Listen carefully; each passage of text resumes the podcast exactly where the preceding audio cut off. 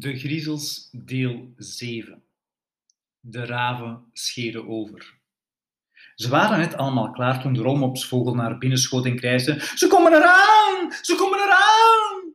Snel vlogen de vogels terug naar het dak van het huis. De apen renden de kooi weer in en gingen ondersteboven op elkaar staan. Even later kwamen meneer en mevrouw Griezel de tuin ingestapt, allebei met een gevaarlijk uitziend geweer onder de arm. Ik ben blij te zien dat die apen nog ondersteboven staan, zei meneer Griezel. Oh, ze zijn te stom om iets anders te doen, zei mevrouw Griezel. Hé, hey, kijk eens naar al die brutale vogels die nog steeds op het dak zitten. Laten we maar naar, naar binnen gaan en onze mooie nieuwe geweren laten. En dan gaat het van pang, pang, pang. En eten we vanavond vogelpastei. Net toen de griezels het huis wilden binnengaan, scheerden twee zwarte raven vlak over hun hoofden. Ze hielden allebei een kwast in hun klauwen en allebei de kwasten zaten vol kleeflijm. Terwijl de raven over ze heen suisden, smeerden ze een veeg kleeflijm op het topje van de hoofden van de griezels. Ze deden het o zo zachtjes, maar toch voelden de griezels het. Wat was dat? riep mevrouw Griezel. Een of andere vieze vogel heeft zijn smerige poep op, zijn, op, op mijn vallen. Op het mijne ook, schreeuwde meneer Griezel. Ik voelde het wel, ik voelde het wel. Nee, niet aankomen, riep mevrouw Griezel. Dan krijg je het ook nog aan je vingers. Kom mee naar binnen, dan wassen we het af bij de gootsteen. Die vieze vuile kringen. Weten dat ze dat expres gedaan hebben? Oh, wacht maar, tot ik mijn geweer geladen heb, gilde meneer Griezel. Mevrouw Griezel haalde de sleutel onder de mat uit, waar Huppeldepup hem netjes had teruggelegd, en dan gingen ze het huis binnen. Wat zullen we nou krijgen? hijgde meneer Griezel toen ze de zitkamer binnenkwamen. Ah, wat is er gebeurd? Wat is er gebeurd? krijste mevrouw Griezel. Ze stonden midden in de kamer en staarden naar boven. Alle meubels, de grote tafel, de stoelen, de banken, de lampen, de bijzettafeltjes, de kast met de bierflesjes, de prullen, het elektrisch kacheltje, het kleed, alles zat ondersteboven tegen het plafond geplakt. De schilderijen hingen ondersteboven aan de muren en de vloer waarop ze stonden was helemaal leeg. En hij was bovendien wit geverfd om meer op een plafond te lijken. Kijk nou! gilde mevrouw Griezel. Dat is de vloer! De vloer is daarboven! Dit is het plafond! We staan op het plafond! We zijn ondersteboven, hijgde meneer Griezel. We moeten ondersteboven zijn. We staan op het plafond en we kijken neer op de vloer. Oh, help, help, help! Ik begin duizelig te worden, krijste mevrouw Griezel. Ik ook, ik ook! Ik hou het hier helemaal niet van, riep meneer Griezel. We zijn ondersteboven en, en al het bloed stroomt naar mijn hoofd, krijste mevrouw Griezel. Als we niet gauw wat doen, dan ga ik dood. Ik ga dood. Dat weet ik zeker. Ik weet wat, riep meneer Griezel. Ik weet wat we moeten doen. We moeten gewoon op ons hoofd gaan staan. Dan is de goede kant tenminste boven. Dus gingen ze op hun hoofd staan en ja hoor. Meteen toen de, topjes van hun hoofden de vloer raakten, deed de kleeflijm die de raven erop hadden gesmeerd zijn werk. Ze zaten vast. Ze zaten vastgekleefd, gelijmd, geplakt, gekit aan de planken van de vloer. Door een kier in de deur keken de apen toe. Toen de griezels binnen waren, waren ze meteen uit hun kooi gesprongen en de rolmopsvogel keek ook toe. En alle andere vogels vlogen af en aan om ook een glimpje op te vangen van dit buitengewone schouwspel. Die avond gingen Huppeldepup en zijn gezin naar het grote bos op de top van de heuvel.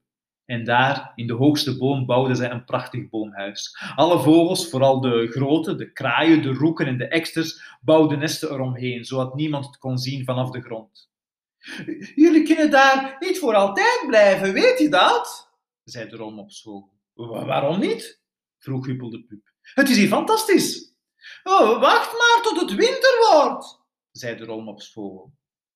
Apen houden toch niet van koud weer, is het wel? Nee, bepaald niet. Zijn de winters hier erg koud? zei Huppeldepup. Het is uh, alles sneeuw en ijs wat de klok slaat, zei de rolmopsvogel. Soms is het zo koud dat vogels s'morgens wakker worden met hun poten vastgevroren aan de tak waar ze op zitten. O jee, wat moeten we nu doen?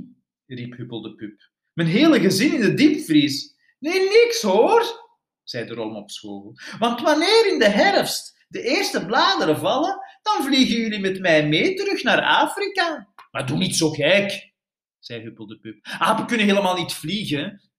Ja, jullie kunnen op mijn rug zitten, zei de rolmopsvogel. Ik neem jullie één voor één mee. Dan gaan jullie per rolmops superstraaljager en het kost jullie geen cent. En hier beneden, in hun afschuwelijke huis, zitten meneer en mevrouw Griezel nog steeds ondersteboven aan de vloer van de zitkamer vast. Het is allemaal jouw schuld, gilde meneer Griezel en schopte met zijn benen in de lucht. Jij was het! jij! Jij! Nee! Jij was het! Jij lelijk oud kring! Je stond te springen en te schreeuwen van... Oh, we zijn ondersteboven! Oh, we zijn ondersteboven! En jij was het die zei dat we op ons hoofd moesten gaan staan om de goede kant boven te krijgen. Jij harig oude vrottenzwijn! krijste mevrouw Griezel.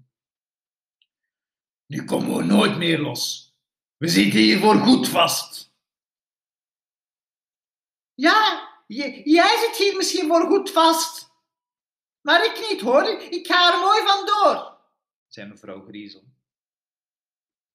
Ze wrikten en vriemelden en zwikten en zwiebelden en wentelden en woelden en kronkelden en krioelden en, en, en ze wrong zich in alle mogelijke bochten, maar, maar de kleeflijm plakte zo muurvast aan de vloer als vroeger de arme vogels aan de grote dode boom.